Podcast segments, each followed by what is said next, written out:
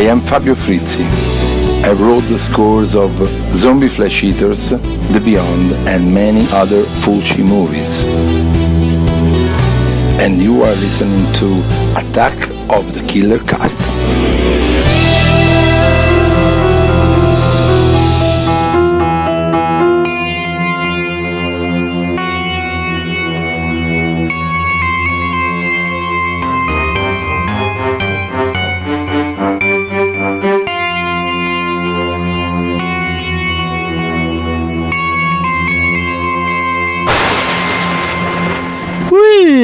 Sommeren er over, og vi er tilbake. Hipp, hipp, hurra!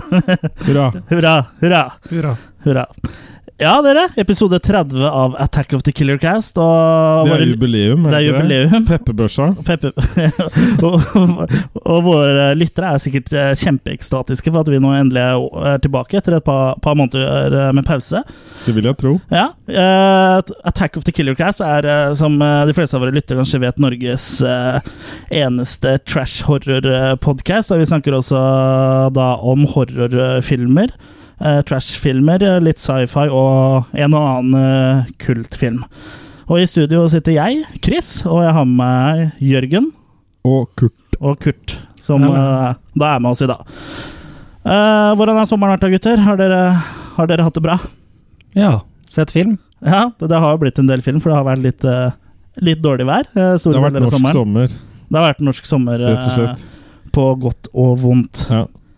Eh, det vi skal snakke om i dag, er at eh, vi skal snakke om eh, ikke én, men to filmer som heter The Wicker Man. Og vi skal da sammenligne da originalen mot remaken. Så da skal vi diskutere litt om de to filmene, og til slutt så skal vi da bli enige om, om hvilken vi synes er best av de to. Ja. Er dere, er dere spente? Evig dilemma. Ja, det evige, evige dilemma. Og nå har det seg sånn at uh, ingen av oss hadde jo faktisk uh, sett uh, filmene fra før. Uh, Pussig nok. Nei. Bare sett trailer. Ja, og hørt Mm. mye om dem. Ja. Det er jo De er jo kultfilmer, begge to, på hver sin måte. Spesielt da originalen er jo en en uh, kultfilm som er en, det står som en bauta i britisk uh, horror, mens da remaken jo, står som en bauta i, i internett-meme-verden, som da blir drittet på YouTube og liksom forskjellig. Ja. Men begge de to har vi eh, da tatt for oss, eller skal vi da ta for oss nå, og bestemme oss hva er det som er best, original eller remake. Ja. Og vi begynner da med originalen. I could a tale unfold whose lightest word would harrow up thy soul, freeze thy young blood.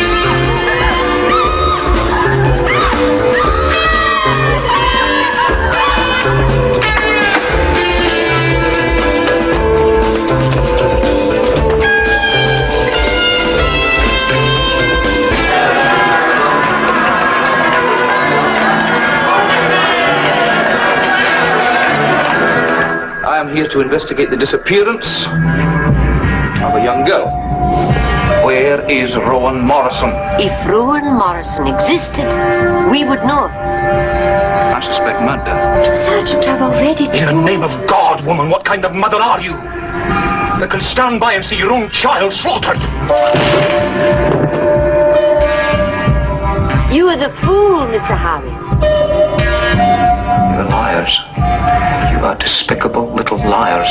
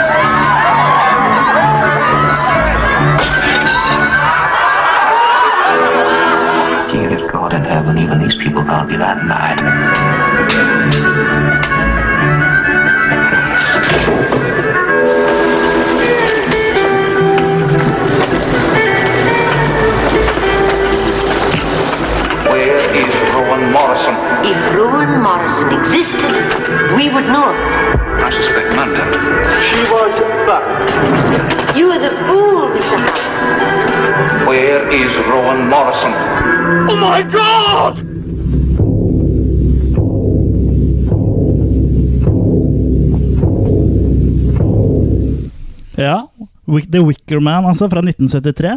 Eller Narrens konge, som det heter på norsk. Ja, Kjempebra tittel der. Og det er jo en film som er eh, godt likt, eh, eh, både blant kritikere og fans. Som jeg nevnte før traileren, så står den jo som en bauta i britisk horror, sammen med da Hammer, som er vel eh, mest naturlig å, å trekke fram. Og filmbladet Cinefantastic har jo gått så langt og kalt den som horrorfilmens eh, Citizen Kane. Men uh, før vi kaster oss inn i handlinga på filmen, så The Wicker Man er en film som, uh, som eksisterer i veldig mange utgaver. Eller tre utgaver, er det vel. Og det er da theatrical cut, director's cut og final uh, cut. Og det er da final cut uh, Som vi så. som vi har sett, da. Mm. Og jeg har også sett de to andre eh, utgavene. Og det, det er jo mye Det er jo en historie bak disse utgavene her. Uh, Den originale utgaven, som da ble gitt ut i 1973, er det da som nå kalles theatrical cut, med en spilletid på 87 minutter. Og den er da Det er jo den korteste versjonen, da. Ja, det er Ja. den internasjonale versjonen. Det er den internasjonale versjonen, og det er den som på en måte er liksom ja, Den som folk flest har uh, sett, da. Mens uh, da uh, Den første versjonen som regissør Robin Hardin og klipper Eric Boyd Perkins leverte, som da kalles, nå kalles Director's Cut, den varer 102 minutter. Det var den som ble sendt til Corman, som han ble sittende med et eksemplar av. Ja, eh, for eh, theatrical cut-versjonen er jo da et resultat av at eh, sjefen for British Lion, han som da er produksjonsselskapet som produserte The Wicker Man, han syntes ikke filmen var noe bra. Så han sendte da filmen til, til Roger Corman for å få den liksom noen tips der hvor de, hvor de kunne, hva de kunne liksom ta ut, og, og sånn for at liksom filmen skulle da passe bedre til et amerikansk eh, marked. da. Ja. Så den ble jo da ihjelklippa. Altså, Ja. ble den eh, eh, til slutt solgt til Warner Brothers og ble vist som da en B-film da på Ja. drive-in-kinoer sammen med Don't Look Now. Ja. Og på drive-in så var det jo mer vanlig å ha seg bak i foreldras Ford. Ja. Har du, har du gjort det, Jørgen? Vi, nei, det er lenge siden vi har hatt Ford. Ja. Jeg skjønner. Ja. Og The Final Cut, da, som er liksom den nyeste versjonen, er da en slags mellomversjon av eh, eh, Theatrical eh, Cut og Directors Cut, da, og den havner da på 94 minutter. Ja, og det var vel et resultat av at de ville prøve å restaurere den tilbake så nærme som uh, regissøren ville ha den den gangen, da. Ikke sant? Så det rare er vel at uh, Directors Cut er ikke nødvendigvis den regissøren sjøl foretrekker. Nei, eh, det er det jo ikke. Og den ble jo pussa opp av eh, noen forskjellige eh, prints som ble funnet her og der. Blant annet ble det vel funnet Den printen som er nærmest Directors Cut, ble jo funnet da på, i arkivene til Harvard, Harvard Film Archive, som da hadde, hadde en spilletid på 92 minutter. Og det er jo den de i stort sett har brukt og pussa opp eh, for å da få det final cut, da. Og negativene eksisterer jo ikke. De ble jo borte sånn eh, på slutten av 70-tallet. De ble lagt sammen med ting som skulle kastes. Ja, så- det er jo mange teorier eh, om hvor det ble av, men det er som sagt, som du sier, ene teorien er at det ble lagt sammen ting som eh, skulle kastes, og at de ble kastet ved en feiltakelse. Og en annen teori, som da egentlig er Christopher Lee, eh, som da spiller i filmen han har satt ut, og det er at eh, han Michael Dealey, altså sjefen for British Lion, har eh, gravd ned under en, mo Ja. en motorvei som ble bygd, da, under Ja. en bru. Og var støpt inn i pilarene der, eller noe Ja. sånt. Og det står litt forskjellig på nettet. Enten så er det eh, M3 eller M4, så jeg er litt usikker til. Så det er, det er jo en film som har liksom mye mytologi rundt seg, da. Mm. Uh, utenom filmen. Og, og det er jo også en film som hvor det også var mye eh, Ikke trøbbel, men det var mye uenigheter også, også under innspilling.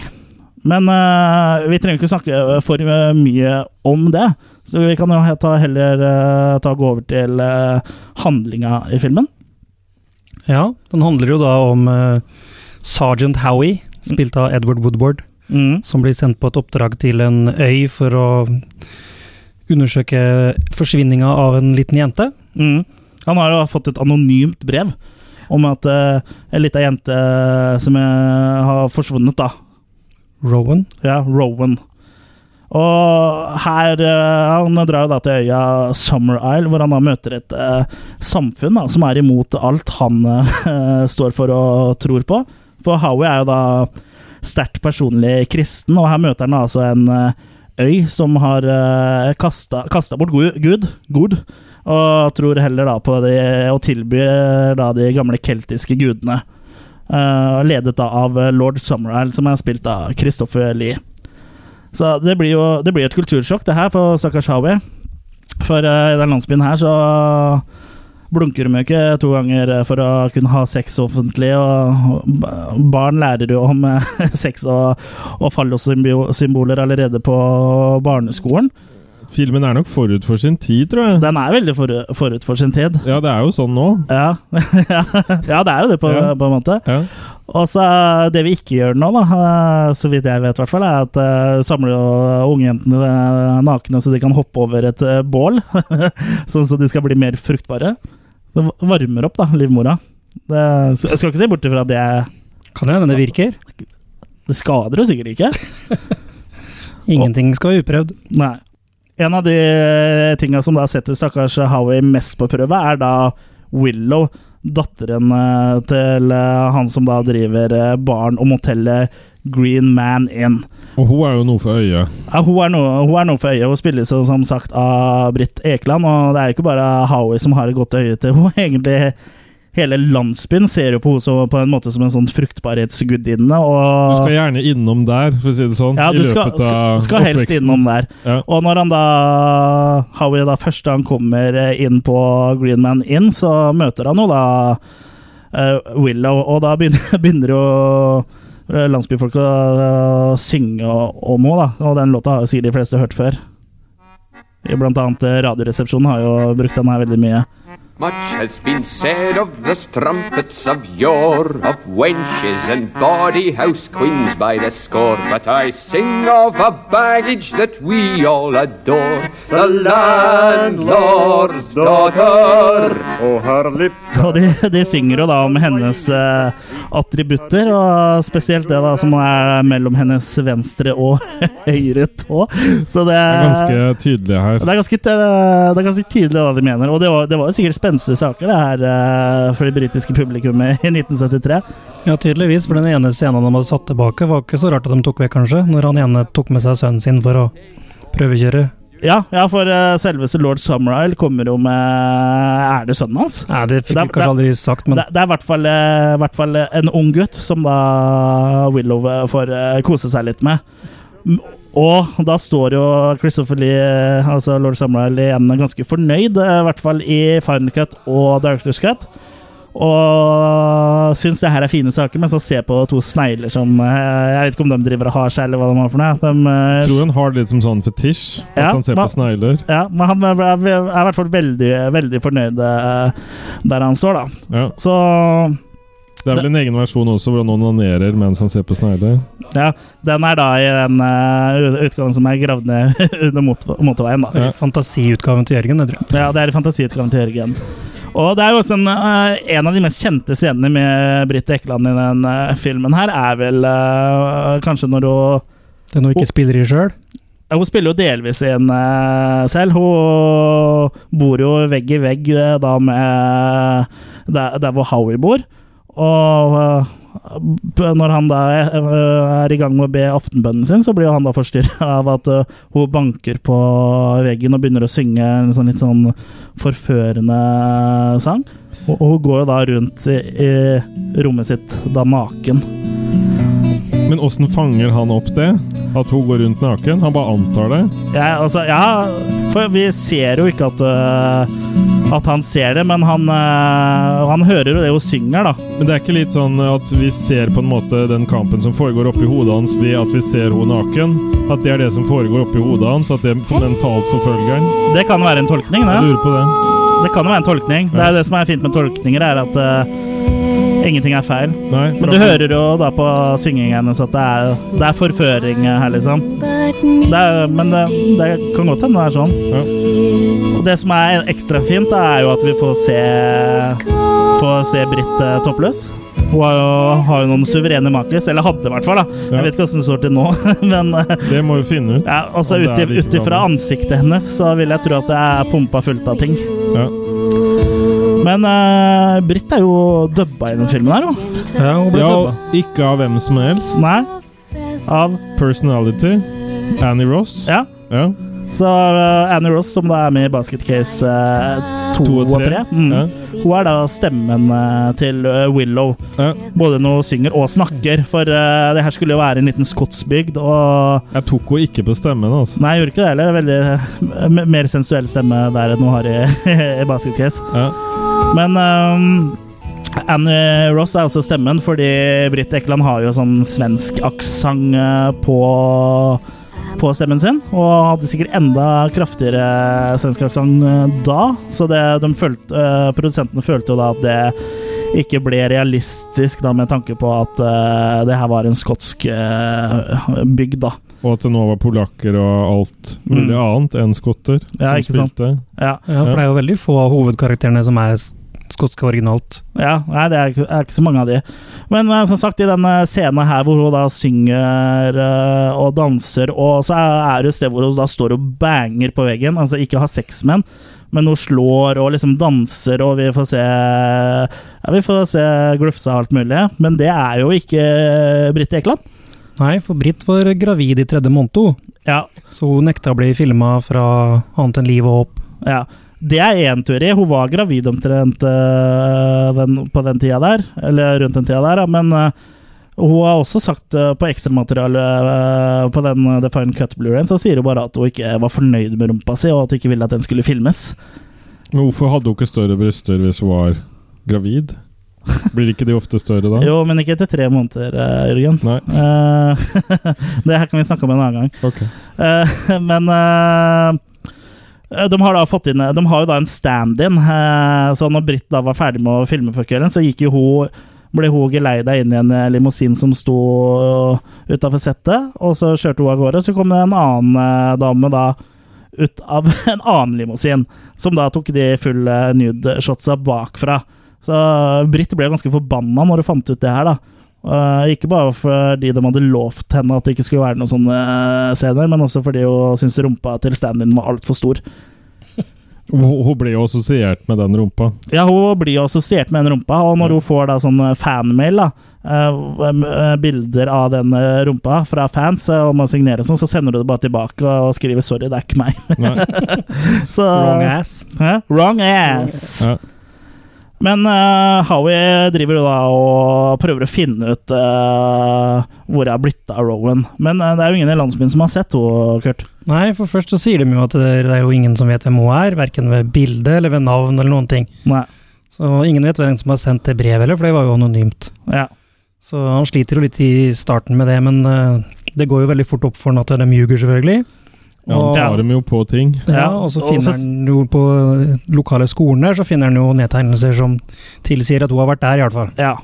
Uh, og så det, det som er en sånn gjennomgangsgreie blant de innbyggerne, er jo at uh, de sier sånn Hadde hun eksistert, så hadde vi visst om det. Mm. Uh, Sier de da. Og, men han finner jo etter hvert ut at hun, som du sier, har eksistert, og begynner å nøste opp i dette mysteriet. Det er på en måte en krim, det her. Ja, egentlig. Veldig sånn standard engelskkrim sånn i oppbygging, egentlig. Hun, Ja. hun læreren også går vel til at hun er ikke død i den forstand. Vi tror at folk lever videre, og, Ja, og det, drar inn den der også. Men det viser seg at uh, hun er jo ikke død, Rowan. Men uh, uh, Howie mistenker da av at uh, hun skal ofres til, uh, til gudene, fordi det har vært dårlige avlinger uh, denne høsten her.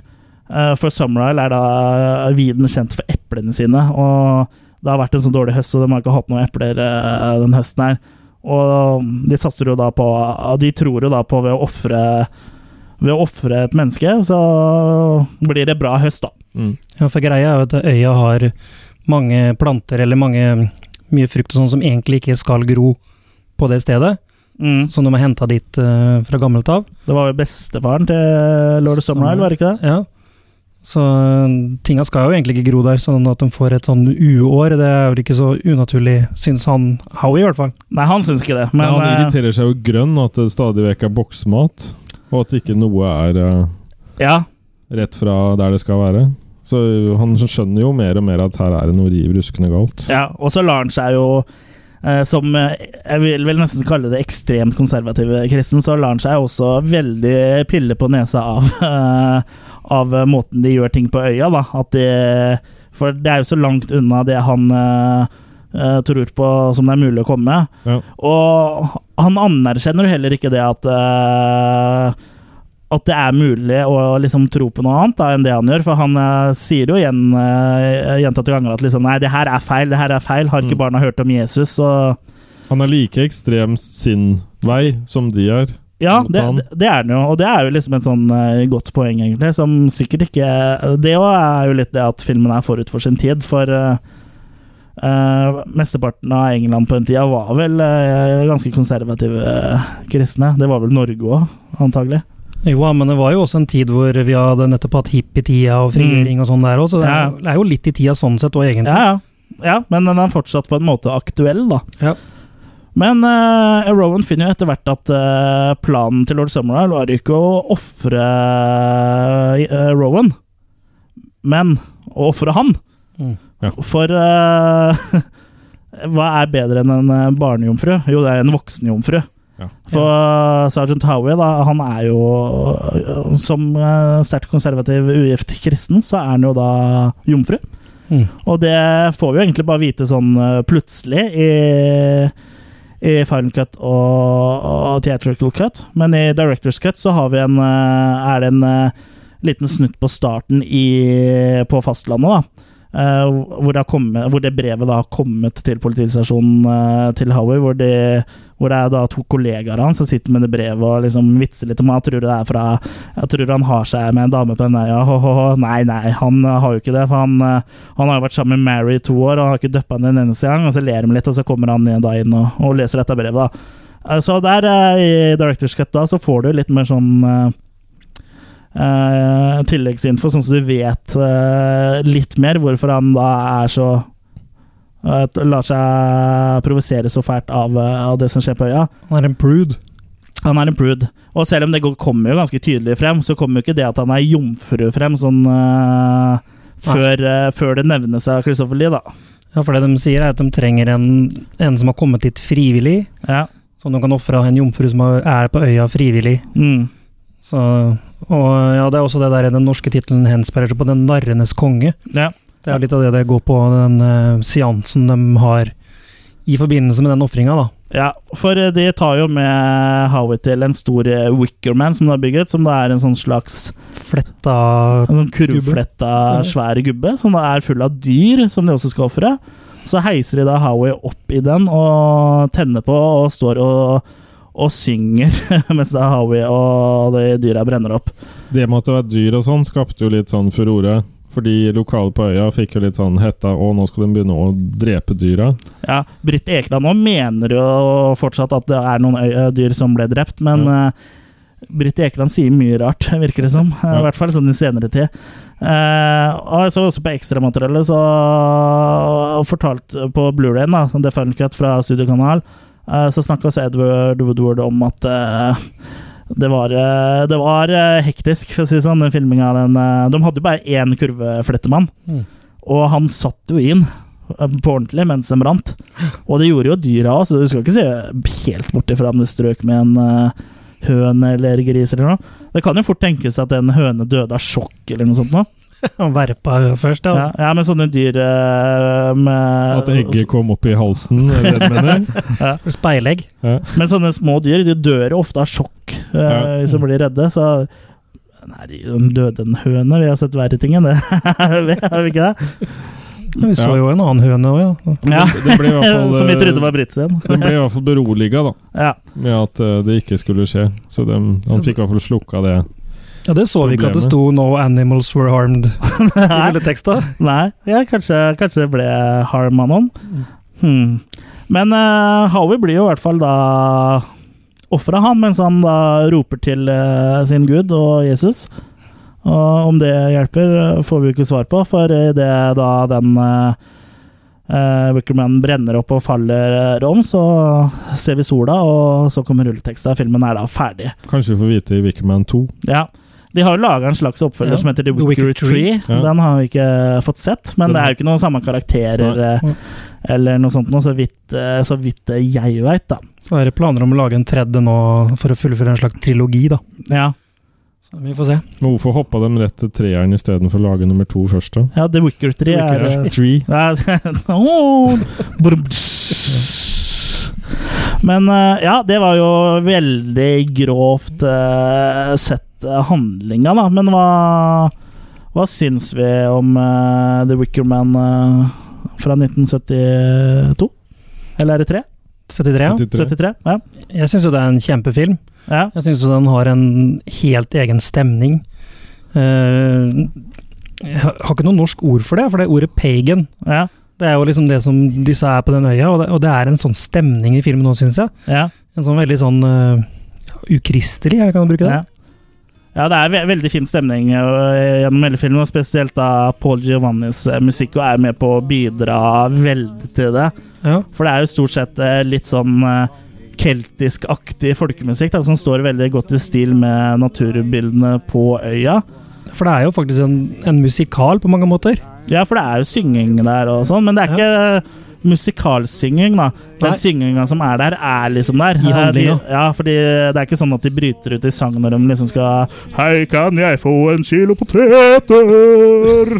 Det er ikke at dialogen blir synging, det er liksom synging som da på en måte er, er der naturlig, da. Ja, og så er det jo skrevet meste nye låtene. Det er noen gamle sånne nursery rhymes og, Ja, og Baba Black Sheep, blant annet, som Ja. er den britiske versjonen av Baba Lille Lam. Ja, men han har skrevet veldig mye fin musikk sjøl òg, som passer veldig godt inn til Mm. det andre. Det vi hører under nå, er er Corn Rigs, som er ganske tidlig i filmen. Ja. Det er koselig. Men du snakka om stemninga, Kurt. Det har vi ikke Vi nevnte jo ikke det sånn veldig når vi gikk gjennom handlinga, men det er jo sånn veldig sånn sær stemning i hele filmen. Sånn surrealistiske folka som bor der, er jo sprø, liksom, og virker bare helt spesielle. Og, og, og de går Når de da, så, da har kommet til, at de skal ofre da Howie tror de skal ofre Rowan. Det, da går de rundt med en sånn dyremasker, og, Mm. og det blir liksom en veldig creepy stemning der, altså. Og alle har navn med sånn plantenavn. Oak og Rose og Willow og Rowan og Ja, ja. Uh, så det er liksom Det er en helt uh, spesiell stemning der, og den er uh, Ja. Det var en slags sånn eh, skal kalle det motvekt. Det var jo Hammer som regjerte den gangen. Ja. Christopher Lee ville litt ut av det. Mm. Så når han fikk tilsendt den storyen her, så tilbød han seg å spille gratis i filmen. Ja. Han syntes det her kom med noe nytt, noe han ville være en del av, og Ja. noe som kunne relansere karrieren hans. ja, han var jo veldig ivrig på å komme seg ut av det uh, Hammer horror-stempelet, Mm. da. Så Og også var jo britisk film litt sånn um, en nedadgående kurve på den tida der, så det var lite med penger. Og selv om i dagens standard så var det jo lite blod i Hammer-filmene, men han ville bort fra det han kalte voldelig, da, og noe som Ja. var mer story, liksom. Ja, for han, eh, han får jo utfoldet seg litt mer uh, her. Han spiller jo Lord Summerisle, som da er uh, veldig sånn karismatisk uh, type, men som da liksom står bak troa på hele øya der. Og på når den her Harvest Dayen kommer, så løper den rundt i Jeg vet ikke om jeg skal kalle det drag. jeg. Jo, det er jo det. Ja, Det var jo en blanding av Det var det de sa, at det skulle være en blanding av både Mann og kvinne. Ja. Ja. Det var også noe jeg likte med filmen, i tillegg til det dere har sagt. Christopher Lee drag. Ja. Ja. Han er ikke like søt i drag nå, da. Nei, men det her er jo, men jeg ser det som en sånn forberedning til at han blir eh, Saruman, eller han Ja, nesten Saruman. Ja, det her er jo tilnærminga. ja, det er jo det. Ja. Uh, ja, for han fikk jo brutt seg ut av Hammer-greiene. og han var, Christopher Lee var jo, som jeg nevnte, veldig ivrig på og pusha veldig på at den skulle bli laga. Så jeg spørs om den hadde blitt lagd i ikke for at Christopher Lee var så, var så ivrig på det, altså. Men eh, jeg, har jo nevnt det litt eh, tidligere, og det, er, i tillegg til stemningen, så syns jeg liksom, eh, noe av det beste med filmen er da at at protagonisten, sersjant Howie sin tro, blir liksom satt på prøve. Det er liksom det som er greia her. At han Det blir jo det, Han møter liksom det motsatte av seg sjøl, da. Og han takler jo egentlig ikke den på noen sånn veldig bra måte, men han greier likevel å, å gjøre jobben sin og nøste opp i det her. Da. Så det funker jo som, som en slags litt sånn sprø britisk eh, krim, men med en eh, dose med horror. Altså, Sammenligna med dagens eh, filmer, så er det vel kanskje ikke så mye horror her, men det er, det er jo en eh, skrekkfilm, på en måte. Ja, Den har jo satt sine spor, som du sa i begynnelsen her òg. At det, Mm. det er jo en film som varierer Eller som hva heter det, er med på mange sine topplister, da. Ja, og jeg, vi, det er liksom skammer meg nesten litt for at jeg aldri har sett den før. Den har, liksom stått, den har jo stått på lista mi lenge, uh, men jeg har aldri Aldri rota meg til å se den. Det, men uh, nå, har vi, nå har jeg fått gjort det. Og Det er vil- liksom et interessant puzzle, ja, hele Mm. filmen. Ja. Det er så mange Ja, det, det, det. du kan sitte igjen med en del spørsmål etterpå. Ja. Og så er det jo den twisten uh, mot slutten her som jeg liker veldig godt, at uh, det viser seg at uh, det er han som skal bli ofra. Og det Jeg så egentlig ikke den komme når jeg så filmen. Jeg hadde, jeg hadde jo bevisst ikke lest noe særlig om handlinga eller sett noen trailer eller noe særlig før vi, før vi satte oss ned og så den. Jeg har jo selvfølgelig hørt om filmen, men samtidig så er det jo ikke en sånn film eh, som snakker sånn kjempemye om sånn i handlings... Uh, bare sånn at ja, jeg har sett noe, den er bra og sånn. Det er vel det stort sett det jeg har hørt om den. Ja, mitt kjennskap straks seg vel ikke lenger til at jeg har sett coveret, og så at jeg er fan av Iron Maiden, og de hadde jo en låt i år 2000 som het The Wicker Man. Ja, Så det er sånn jeg ble først kjent med filmen. ja ikke sant? Uh, så Uh, at vi bor nærme grensa, at de feirer midtsommer. da At vi kan relatere oss til det. ja. Ja, Maistongen, ja. Ja. ja, for det, det er jo en fallos. det, ja. det er jo en sånn maypole der, ja, som uh, da liksom er et fallossymbol her, uh, her på øya, da. Ja. Og du nevnte Iron Maiden, uh, uh, Kurt. Mm. Her har vi et lite utdrag av låta deres.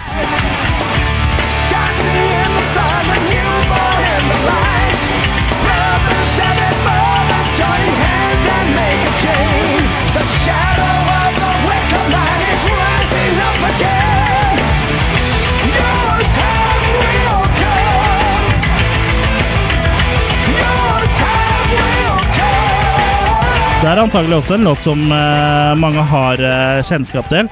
Ja, de har jo den Wicker Man-figuren på coveret på singelen og sånn, så Ja, og uh, jeg er ikke sånn veldig bevandra i Iron Maiden sitt univers, jeg, men den her har jeg hørt. Det, den er jo ganske kjent. ja, den relanserte litt av karrieren deres på en måte, den òg. Ja. Altså, det er en kul låt.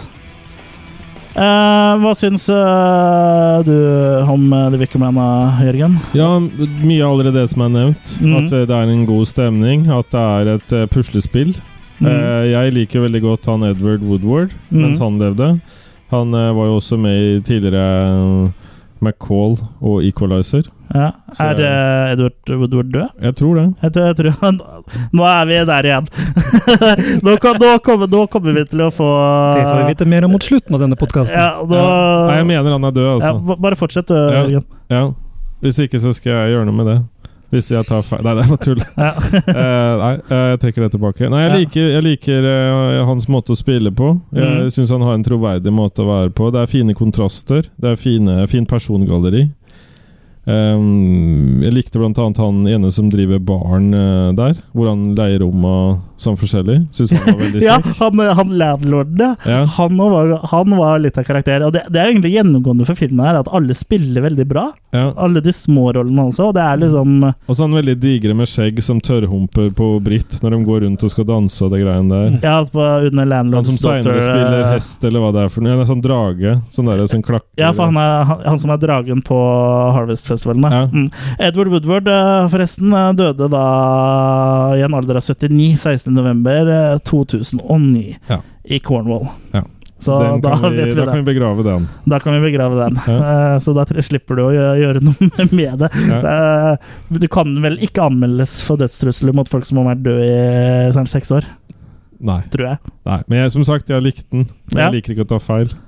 Uh, hm? Jeg likte den, men jeg liker ikke å ta feil. Nei, jeg hvis, skjønner. hvis Ja. han ikke ja. ja, ja, det er forståelse for det. Ja.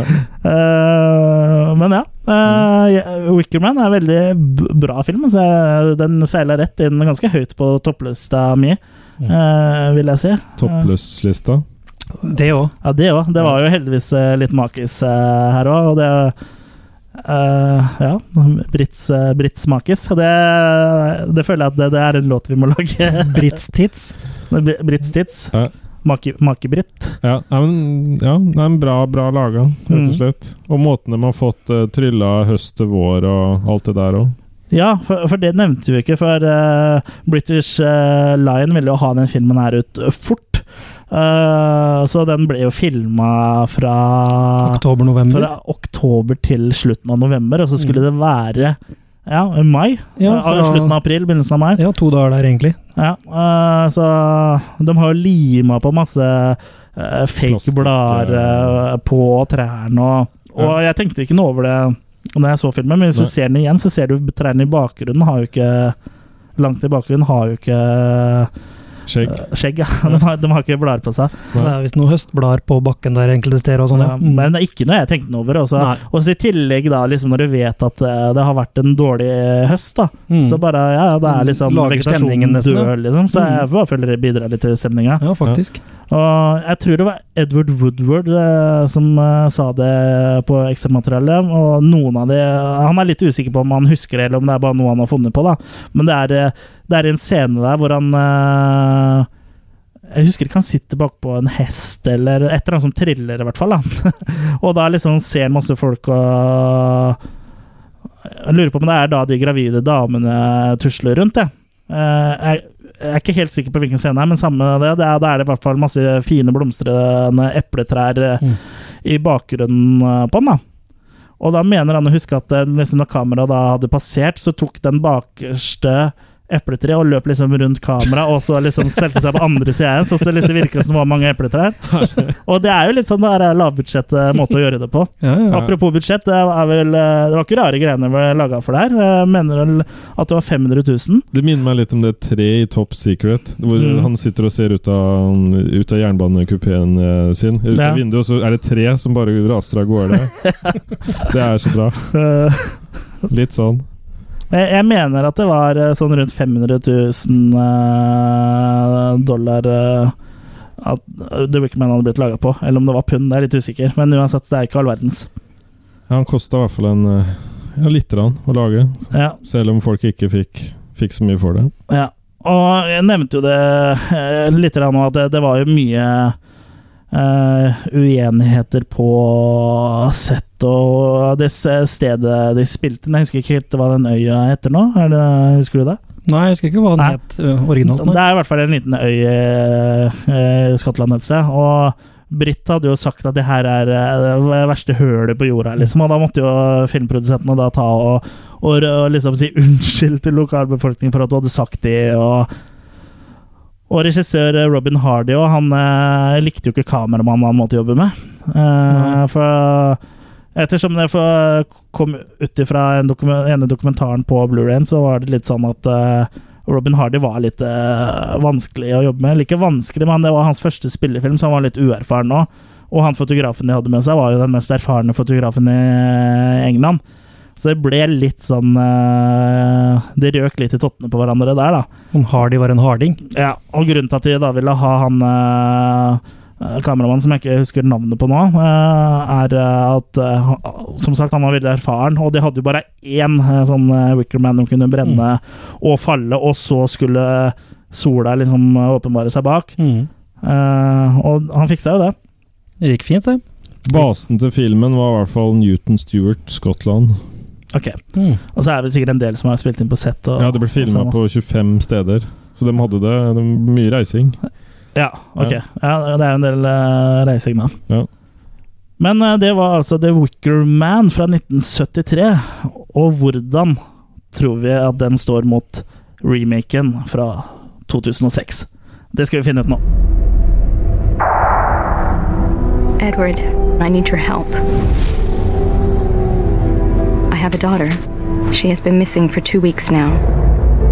I fear she is endangered. So now I turn to you. Welcome. My little girl is still here. If she's here, I'll find her. Rowan? Rowan? You know her? I don't recognize this child. Be careful and believe nothing that you see or hear. If she existed, we would know of her. Whose desk is this, hmm? Rowan! How'd she die? She'll burn to death. What'd you just say? She burned to death. We're all preparing. For what? Celebration? Oh, yes. Something bad is about to happen. I can feel it. Then let us begin. Summer's Isle! Oh, God. Oh, my God!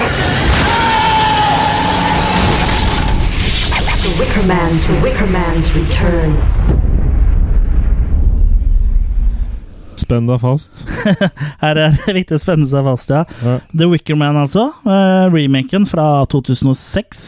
Regissert av eh, Neil Labute. Jeg vet ikke om det er riktig uttalt, men skrives Labute, da. Og med- Labute. Ja. Og med Nicholas Cage i hovedrollen. Ja. det her er da en film som har blitt slakta av kritikere og publikum, og den har nesten blitt en like stor kultfilm som originalen, men da av helt andre grunner. Det kan vi snakke litt mer om senere, men uh, først uh, litt om handlinga. Ja, det handler jo her også om en uh, kar som drar til en øy. Ja. Uh, Nicholas Cage spiller da uh, Politimannen Edward Mayles. Ja, som drar til øya Summers Isle. Her da la til en S der, for det var jo så vanskelig å uttale Summer Isle på amerikansk. Ikke sant? Men ja, for å da nøste opp med nok et eh, hemmelig brev og en forsvinnende pike. Ja, og det er jo atter en gang Rowan da, som eh, er eh, borte, som da Nicolas Cage eh, Eller ja, Nicolas Cage sin karakter Edward skal finne. Og han er jo da oppkalt etter Edward Woodward, som da spilte eh, eh, Sergeant Howie i originalen. Så er det en liten hyllest som eh, han sikkert sa, satt pris på. Som også ble tilbudt å være med i denne remaken, men som takka Nei. Ja. Mm. Det, nei. Det, er kanskje ikke, det var kanskje lurt sånn i retrospate, Ja. uten at vi skal spoile noe sånn særlig hva vi syns enda. Eh, men ja, eh, Edward er da har tatt turen til Summers Isle fordi han har fått et brev fra eksen sin, eh, Willow Woodward. En liten hyllest til der, altså. Ja, han heter altså fornavnet og hun heter etternavnet til skuespilleren i Mm. Og hun trenger da hjelp eh, for, til å finne datteren sin, Rowan. Så her er altså Willow, da, mora til eh, Rowan i denne versjonen her. Ja. Her er hun ikke tøyta. Nei. Eh, og Edward eh, Han eh, er jo sykemeldt etter å ha vært vitne til en, eh, en kollisjon mellom en semitrailer og en bil med en dame og et eh, jentebarn i, eh, som da han føler litt skyldfølelse for, da, for antagelig så hadde ikke den eh, bilen uh, blitt truffet en semitrailer hvis ikke han hadde stoppa de, da. Eh, for han er da eh, en sånn eh, MC-politi. trafikkpoliti. Ja, han kjører motorsykkel. Eh, og det, er komi, der det komiske begynner her, er jo når han er på vei til Summerside. Så sitter han jo på en ferje og liksom har kledd seg i finstasen og liksom uh, tar på seg litt parfyme, da. Eh, og det er liksom bare Han skal Ja. jo møte eksen, jo. Ja, han skal møte eksen og redde og få tilbake henne, da. Men, eh, så det er jo tydeligvis eh, derfor han tar på seg det oppdraget her, i håp om å vinne, vinne henne tilbake, da. Og mens han sitter der og tar på seg en parfyme, så ser han en lita jente på dekket, Jørgen. Ja, han eh, tenker jo da straks på jenta han ikke fikk redda i den bilen. Ja, for hun ligner jo litt eh, på henne. Ja, og den, den eh, Det båtdekket her må være noe fantastisk helvetes svært. Ja, Her kommer det en semitrailer forbi. Ja, og og jenta. Ja, ja. Så, så, militære, militære båter og sånn er ingenting. Ja. Det dekket her, det favner verdensrommet. det er, her får den jo da et øh, Det er jo et flashback, men det øh, var jo veldig komisk og kom litt sånn uventa. så det er jo liksom filmskaperens øh, vel, filmskaperen sin veldig diskré måte å fortelle at han sliter psykisk med å takle, takle det, som har skjedd. da. Ja. En annen diskré måte også er jo at han spiser tabletter hele tida, og hører på selvhjelpskassetter. Så Everything's okay. så vi skal skjønne det, Vi skal bli mata inn med teskje at her er det noe som ikke stemmer. Ja. Og sånn stort sett så føl- følger jo filmen samme spor eh, som uh, originalen, men uh, Det er jo 80% av dialogen. Ja, 80% av dialogen fra originalen er uh, her. Eh, Kanskje litt gjort om mye av det. Ja, I andre settinger og sånn. Ja, for Summers Isle så er det plutselig liksom bare damer her, da. Og alle er liksom sisters, så er det nesten sånn her eh, nonnegreier, eh, nesten. Det er sånn fellesskap, da. Ja, og her har de også navn etter planter her òg. Ja. Og i stedet for Lord uh, Summerisle, så er det da Sister Summerisle. Mm. Og som du sa, så er det plantenavn. Sister Birch og Thorn og Moss og Oak. Ja. Og istedenfor å være kjent for epler, så er det da honning som liksom er, eh, er greia de driver med her, da. Og det har jo også vært en dårlig høst. Ja. Sånn eh, noen eh, For nå er vi ikke i Skottland, for nå er vi er, selvfølgelig i USA. nå er vi på en øy i USA som ikke har mobildekning. Ja. Eh, og og det ser, du ser jo også jeg vet, på et tidspunkt i filmen at at Nick Cage, da, eller Edward, da, prøver å, å få dekning på telefonen, og det går ikke. Bortsett fra han Det blir kommer en oppringt lyd, da. Bortsett fra han blir Det kommer jo alltid en lyd når du ikke får dekning, Ja. som vi kommenterte. Sånn opptatt-signal. Det Ja. får du jo når du ikke får dekning. Ja. Men eh, ja, Edward eh, prøver å da nøste opp i eh, dette mysteriet om hvor det har da blitt av av denne jenta, dattera til Willow. Og han får også vite da av Willow at det er dattera hans. Mm. Og bare la oss snakke litt om Willow her. Eh, Leppene. Leppene. Og, De har jo møtt hverandre, for hun har jo da dratt fra øya en gang i tida og hooka opp med Nicholas Cage og dratt tilbake igjen, da. Eh, og det er kanskje da hun fikk sånn uh, leppe... Botox. eh, Botox i leppene, for hun har jo Hun har jo Botox-lepper. Hørte du hadde sugd krummen av et hengefeste hjem? Det kanskje. Kanskje det var det hun hadde hørt.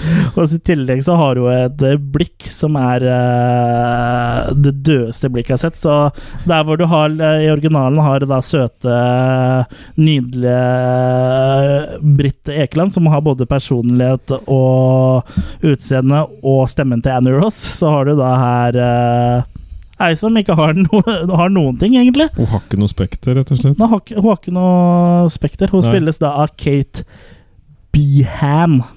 Ja. Uh, som uh, Ble valgt ut fra navnet, da, rett og slett. ja, Hun ble valgt ut av navnet, Ja. tror jeg. jeg tror ikke, hun er ikke noen sånn kjempekjent, men jeg ser at hun har hatt litt sånn uh, uh, små roller i Flight Plan, The Matrix Revolution og Shopper, blant annet. Men jeg kan ikke huske å ha sett henne før, så Relativt eh, små roller, da, vil, vil jeg anta.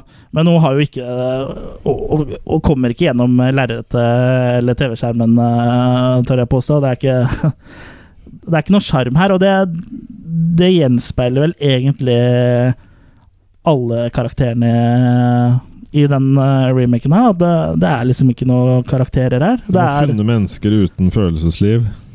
Ja, tenker jeg. det nærmeste er liksom Nicholas Cage, og der kan det kanskje bikke litt over noen ganger.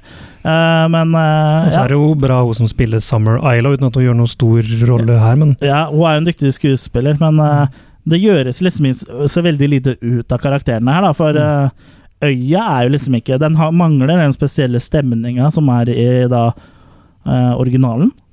Ja, for sånn som i eneren der har du jo det hedenske fra som faktisk er gammel keltisk tro. Ja, her, hva slags gammel amerikansk tro? Da må du jo ha indianere, da. Det har de jo ikke brukt. ja, ja altså, og det touches ikke på, eller. Nei. Det touches Egentlig ikke på noe kristendom eller uh, noen annen tro eller uh, noen ting. Og, og også det med fruktbarhet og sånn òg, som da på en måte henger jo godt sammen med det å og plante eller gro fram frukt og sånn, det er jo borte her. Det, så det er jo liksom ingenting igjen, da. Alt er liksom strippa av skjerm sjarm og særegenhet, og så har de ikke, noe, ikke tilført noe eget heller, liksom. Så det er bare De har noen del hints, da. De, de, hinter vel faktisk nesten flere til fallossymboler i den her, faktisk. Men Ja. navnet til Nicholas Cage er jo Malus, som er blanding av man og fallus. Og anus.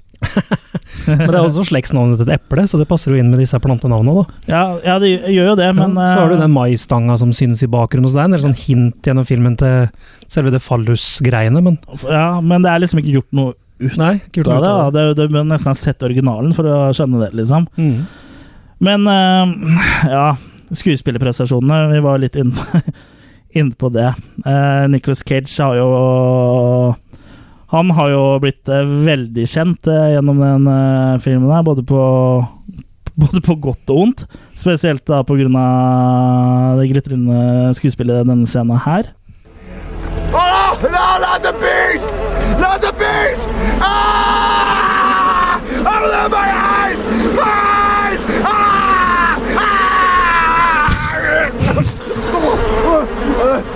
Her blir den jo da overfalt av CGI-bier, som eh, på en måte lager et sånt slags eh, CGI-bieskjegg på den. Og det er jo en grunn til at Nicolas, eller karakteren til Nicholas Cage eh, er redd for bier. Han er jo Han er jo allergisk. Han er allergisk, og jeg hadde ikke satt pris på å bli stukket av bier i trynet heller, for han får jo sånn Bur? bur på hodet sånn, som da fylles med bier.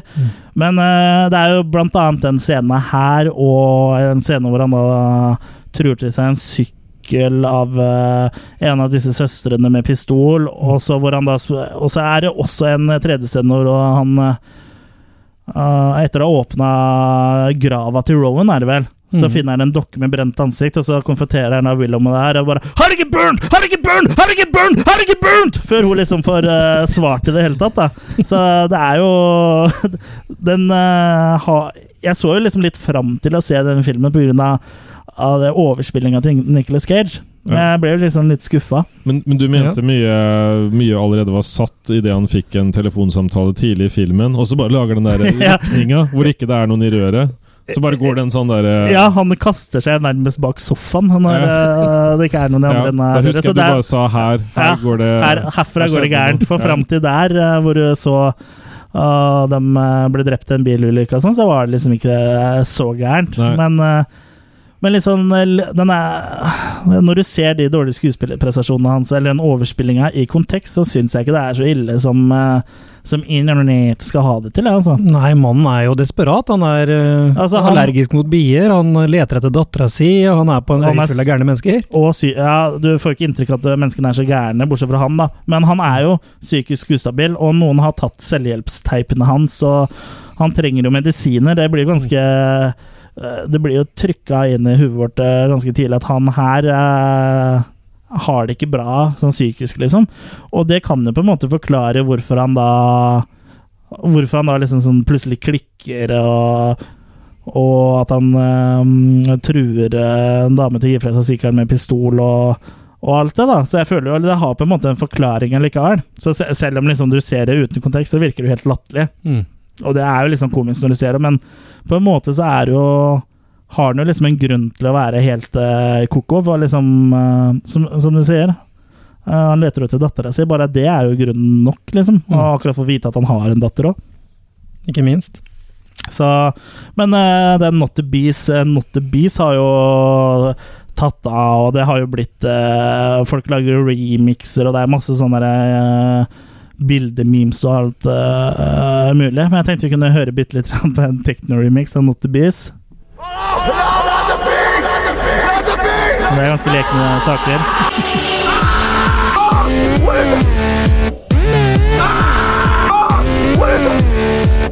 What is that? What is that? What is it? Not the beast!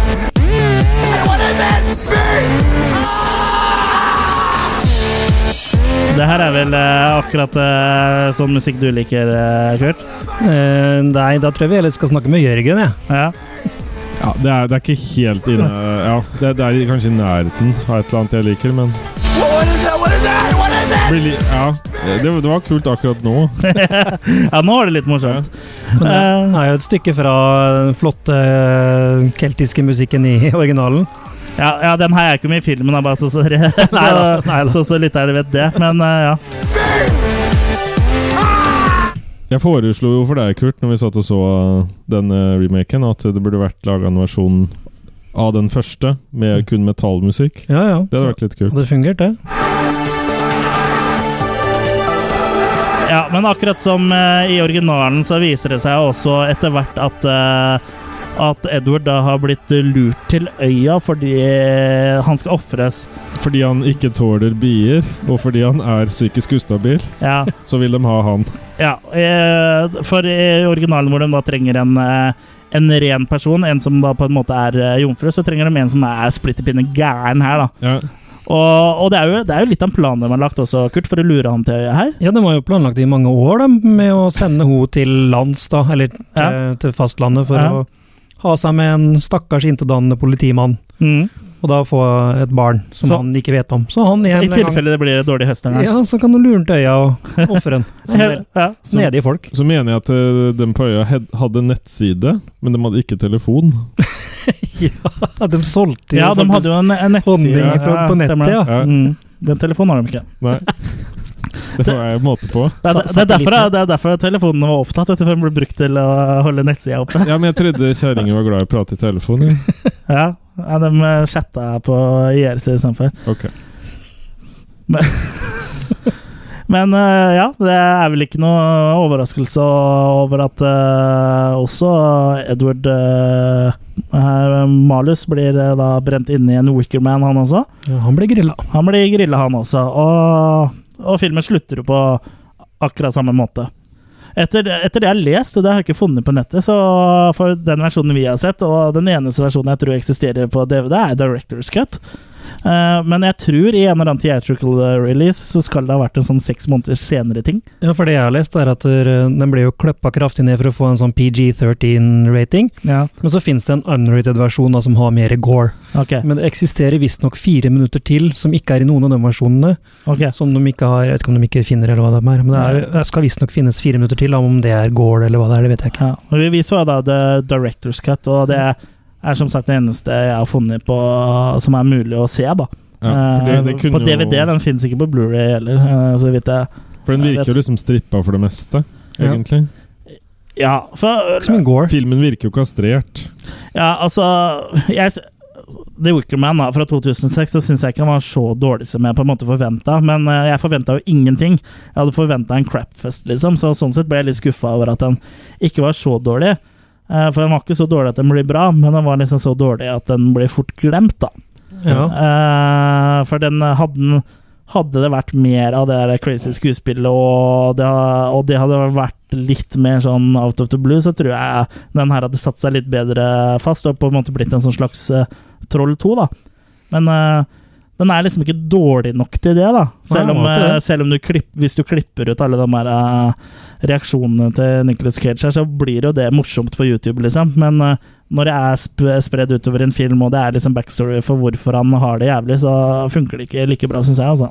Nei, altså, men premissene bak filmen er kanskje nesten Skal jeg si ja, mer latterlig. Han, det var jo Nicolas Cage egentlig som ville lage den filmen her. Han hadde sett originalen. Eh, Johnny Ramone fra Ramones hadde vist den filmen her, så filmen er jo dedikert til Johnny Ramone. Ja. Eh, og den filmen der skulle han liksom bare lage, da. Så Men hvorfor? Nei, de syns vel kanskje de skulle tilføre noe nytt, da. Hvem vet? Ja, altså, Han har ikke tilført noe nytt. I forhold til originalen så har han bare tatt bort ting. Ja, ja, ja. Det, Så det er det, men er derfor så premisset blir jo mer latterlig enn filmen var, kanskje. For, for det her er på en måte Du tar originalen, og så tar du bort alt som gjør originalen bra. Tar bort bra skuespillere, tar bort bra stemning, tar bort uh, den creepy atmosfæren, tar bort uh, musikken og liksom hele Hele stemninga, da. Og da, da sitter du egentlig ikke igjen med noe annet enn et eh, skjelett til en film. Jeg syns musikken var bra, da. Det her er jo ikke musical på den måten, de synger jo ikke her. Nei, Men jeg syns scoret til Angelo Bandalamenti synes jeg faktisk var ganske kult. Ja. Så jeg lurte jo fælt på hvem han fyren var, og det fant jeg ut at det er jo han som er David Lynch sin faste komponist. Så Ja. han, eh, fleste kjenner han sikkert fra Twin Peaks. Ok. Ja, riktig. Ja. Og, men han har også lagd musikk til A Nightmare on Elm Street 3 og Cabin Fever og Hjelp deg juleferie. Å ja. Såpass. Så det er en uh, dyktig mann. Ja. har du ikke gått så gærent med han. ja, at det kunne gå så gærent med han. Lurer på om vi har litt av musikken her. Han var vel kanskje en av de få som visste hva han drev med. Ja. ja, for det er som du sier, det er jo stemningsfull ja. Veldig stemningsfull musikk. Og det er vel kanskje noe av det bedre med, med filmen, eh, det her. Jeg syns det. Men samtidig sånn i forhold til eh, det å bruke den keltiske folkemusikk-type tingen i, i originalen, syns jeg er bedre, da. Ja, ja, du var ikke i nærheten av å skape noe myte i den filmen her. Du må ikke noe, skape noe sånn helhetlig følelse av uh, verken paranoiaen eller noe av det som Nei, de prøver på en måte liksom å lage litt sånn paranoia av at uh, Edward uh, sliter psykisk, da. Mm. Og så liksom, hva er det de vil med det? Skal vi prøve å tenke at ingenting av det her skjer? For det er jo også når, Han får jo en del flashbacks til eh, eh, til en ulykka, da, og Mm. hvor du ser da bildet bare plutselig skurrer, og, og så er ikke den dama og det barnet i i bilen lenger. Mm. Og da også, også nevnes jo også av en kollega av han som er besøkeren i starten av filmen, at uh, lika ble aldri funnet. Mm. Så det er på en måte har det, ha, Er det noen som har blitt drept? Har han bare Er det bare noe han har sett for seg? Og er resten av filmen bare noe han har fantasert? Og det, det blir så mange sånne løse tråder som de prøver å kaste ut, som aldri liksom blir uh, nøsta opp i, da. så ligner vel også hun i den bilen også litt på dattera hans? Hun er vel nesten kledd Ja, i samme og- klærne når hun først ser noe Ja, og litt eh, kona og Mm. Eller kona, eksen, eh, Willow òg. Så men det er liksom Det blir ikke rappa opp, liksom, da. Uh, Send in Jason. Send, Send in Jason. Han kunne gjort det bra på, gjort det bra, bra på Summerside, tror jeg. Ja. Som, som sånn eh, d- d- dameaktig, liksom. At han er maskulin, men at han er dame. Akkurat Ja. som hun som jobber i den baren eller landsdel eller hva det er for noe på øya der. At han er the landlord, ja. Ja. Have you got a room for the night? I, I got a room. Var det ikke noe sånt han snakka, han landlorden? Ja, ja. ja. At det er Jason, ja. Ja, jeg, jeg er litt, litt sånn uh, overraska over at han eh, landlorden i originalen hadde en datter, jeg. Det, Hi, I've got a room. Han var jo veldig sånn fe med seg. Men her kunne det garantert dødd noen flere. Uten at de hadde ødelagt for mye. Ja. Det er ikke noe særlig body count, nei. Nei. Nei, det, det er det ikke. Uh, og det mangler jo den der, uh, som du sier, en religion og Og de skal jo ha en sånn uh, 1. mai-fest her òg, men den, eh, den eh, De ofrer til noen guder for å få noe bra harvest, det er greit, men vi får ikke noe etablert noe sånn følelse av uh, Du, du får ikke etablert at det er en kult, nei. Og det, den er jo høyeste eh, tilstedeværende i, i uh, originalen, da. Og den gjør det på en mye bedre måte, syns jeg i hvert fall. Så Eneste som Da må du kanskje lese litt mer om linjene, at det er masse damer som styrer der, og det er én hoveddame, sånn en sånn dronning i en bikube, bikube, på en måte, da. ja, ja det, er, det, det er en slags sånn, men det ligger veldig Men det er jo sånn- flere damer der. Ja, ja, Men det er jo én dronning, liksom, så da burde jo egentlig resten av eh, Masse dronninger, ja. Nei, det burde vært én dronning og én dame, og så resten har vært menn. Mannfolk, ja. Ja. For, for de mennene som er på øya, er jo en slags sånn, sånn droner, ja. må Men det er ikke mange det er få av dem. Det er veldig få. Så da skulle det heller vært det at du må heller For de kunne fulgt det, da, for det Mm. virker som de har hatt mange ideer her, men så har de liksom ikke gjennomført noen av det. Nei. Og de kunne jo kasta inn litt nakenhet av folk som hadde litt orgier ute og Mm. ute sånn, hvis de greide øh, Hvis det gikk i England i 1973, så går det vel i USA i 2006 òg. Eller de gjør jo ikke det. Og eller? snegler òg hadde de vel hatt råd til Ja, her litt, òg. litt sneglesex øh, er vel ja. Det er aldri feil å putte inn det. Nei. Hvem av de damene skulle dansa som Britt Ekland da? tror du? Hun, mannen, hun landlorden. Ja, hun Nei, du, te du tenker på hun lorden, eller Sister Ja. Summersile. Hun Ja. litt strenge. Hun skulle danse. tenkte vel på hun som drev puben her, eller posthus, posthuset, eller hva det er for noe? Ja. Ja, men, ikke- ja, ja, stemmer det. Det er hun jeg mente. Det var ikke Mm. hun som var Sister Summerisle. Det var jo det var jo hun andre. Hun Mm. spilte jo ikke så gærent, hun som spiller Nei. Sister Summerisle. Hun Hun er, jo dreven. ja, det er Ellen Burstyn Ja. som spiller henne. Hun er jo hun er en, er vel det nærmeste vi kommer en eh, god skuespiller her, uten Ja. at hun gjør så mye ut av det, hun heller. Nei, hun er jo ikke med i all verden, eller egentlig. Nei, hun er vel med i en en liten scene hvor hun liksom forklarer litt om uh, hvordan ting er, eh, er eh, her på øya, da. Mm. Uh, men eh, ja, skal vi prøve å konkludere litt? Eh, vi har jo snakka litt om eh, originalen og remaken. Hvilken, hvilken syns vi er best? Er det Det kommer vel ikke som noe sjokk det at originalen eh, er den vi likte best. Nei, eh, hvorfor, hvorfor liker du originalen best, eh, Kurt? Jeg liker den best for den har mye mer egen art. Den, når den kom, så må den jo ha vært noe helt spesielt, og den har holdt seg like godt ennå. Den har den kjempebra Både skuespillet og alt er gjennomført, og det er et godt, godt stykke RB. Godt stykke RB, ja. Eh, Jørgen? Jeg også syns eh, at den første har et helt annet anslag, Mm. og at eh, du blir dratt inn i en, en egen verden. da. Ja. som står i sterk kontrast mellom da Woodward og resten. Mm. Og måten det er brukt musikk på Jeg er ikke noen stor fan av musicaler, men måten det er brukt på her, musikken, helt bevisst, syns jeg er veldig bra.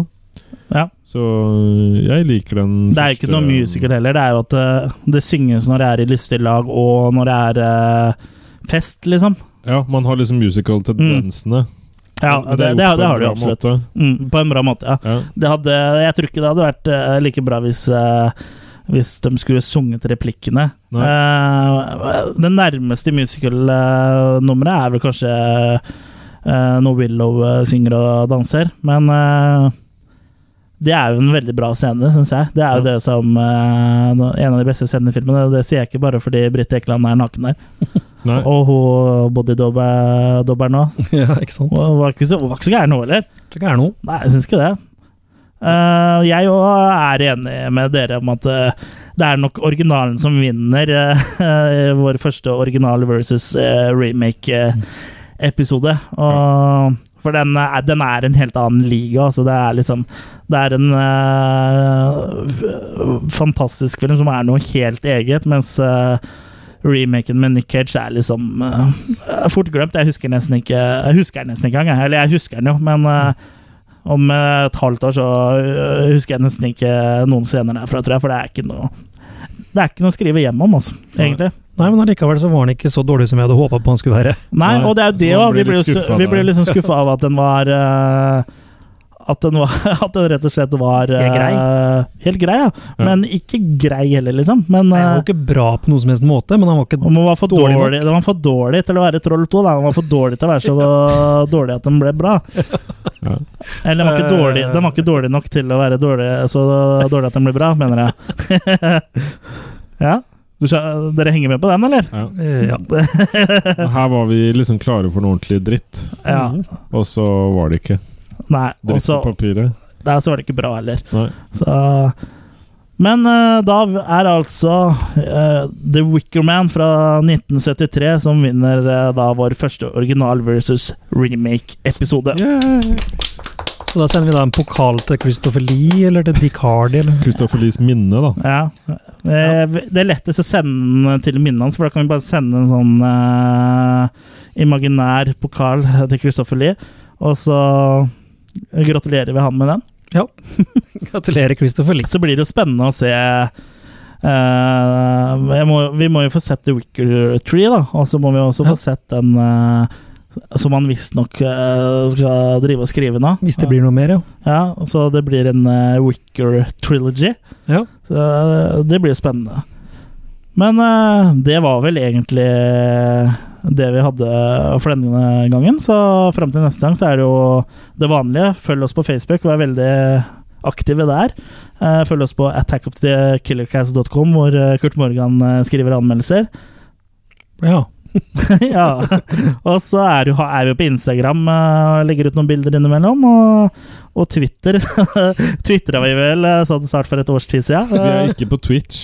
Vi er ikke på foreløpig. Twitch, ikke foreløpig. Det kan, kan hende det kommer. Ja. Og så kan hende det kommer noe mer video på YouTube-kanalen vår også. Det, det er vel noe vi har lyst til å prøve oss litt eh, mer på. Ja. Men uh, ha det bra, da! Ha det bra. Ha det.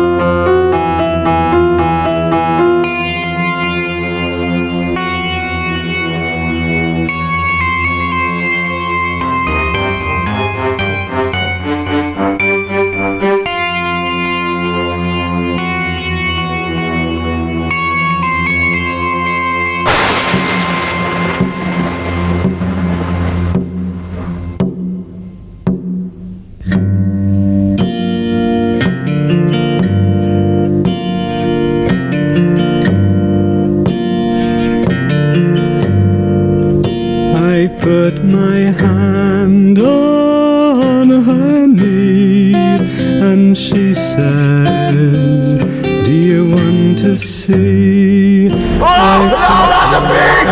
Not the pig!